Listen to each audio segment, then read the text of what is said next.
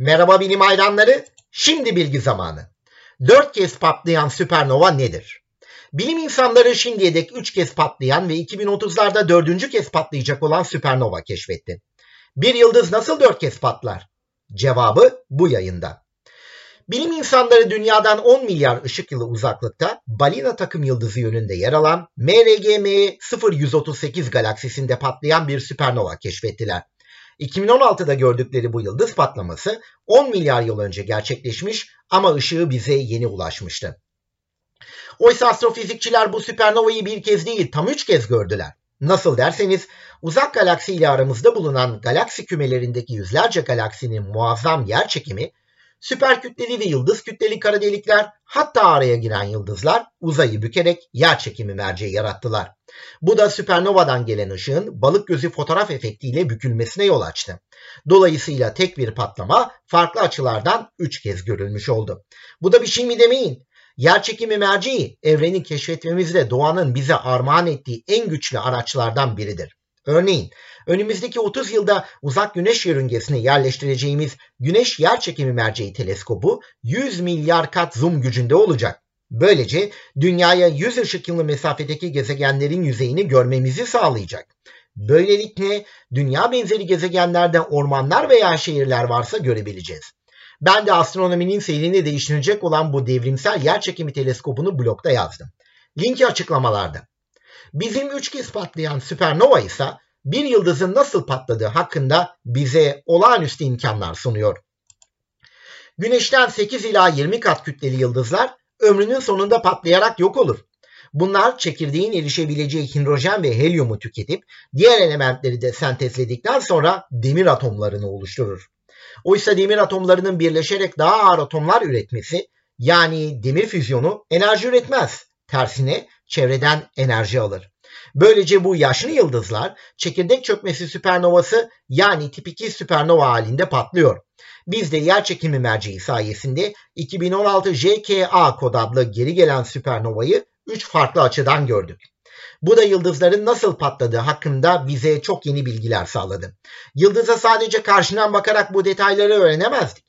Oysa bu yeterince ilginç gelmediyse bu süpernova patlamasının evrimini de farklı aşamalarda gördüğümüzü belirtelim. Düşünün ki yıldız patladıktan sonra çevreye gaz ve toz bulutları saçıyor. Bu bulutsun zaman içinde genişliyor. Süpernovanın yaydığı gama ışınları, X ışınları hatta hızlandırılmış elektronlardan oluşan kiklotron radyasyonu bulutun içinde yayılıyor. Hem de zaman geçtikçe farklı şekilde ışık saçıyor ve farklı radyasyon türlerine dönüşüyor. Biz de bu süpernova patlamasını yerçekimi merceği sayesinde 3 farklı zamanda görüyoruz. Örneğin 3 görüntünün biri patlama yeni gerçekleşmişken diğeri birkaç yüz bin ve üçüncüsü de birkaç milyon yıl sonra oluyor. Bütün bunları balık gözü efekti yüzünden son derece çarpık bir şekilde görüyoruz. Ama bir süpernovanın 3 farklı aşamasını gökyüzünde yan yana görüyoruz. Daha doğrusu dairesel merceğin kenarlarında görüyoruz. Bu da bize yıldızların nasıl patladığı hakkında inanılmaz veriler sağlıyor. Oysa bilim insanları bize bunları açıklamakla kalmadılar. Aynı zamanda oyun masasında resmini görüyor ve artırıyorum dediler. Süpernovanın ışığını 10 milyar ışık yılı uzunluğundaki rota üzerinde aslında evrenin genişlemesi yüzünden 20 milyar ışık yılı olan yol üzerinde bükecek çok sayıda gök cismi olduğunu belirttiler. Öyle ki süpernova ışığı yakın ve uzak gelecekte bükülmeye devam edecek arkadaşlar. Kolombiya'daki Güney Carolina Üniversitesi'nden Steve Rodney bu süpernovanın 2035-2039 arasında geri geleceğini söyledi. Dahası ışığı göremeyeceğimiz kadar soluk olsa da süpernova 2042 yılında 5. kez geri gelecek. Sakın bu arsız süpernova da artık kabak tadı verdi hocam demeyin. O zamana dek daha güçlü teleskoplar kullanacağız ve bunlar o soluk ışığı bile görebilir. Sanki evren biz insanları karşısına aldı da 2016-2042 arasında 26 yıl sürecek bir derse tabi tutuyor. Dördüncü patlama için ortalama olarak 2037'yi baz alsak bile bu bir astronomi rekorudur. İlk kez bir süpernovanın bu kadar sık tekrarlandığını görüyoruz.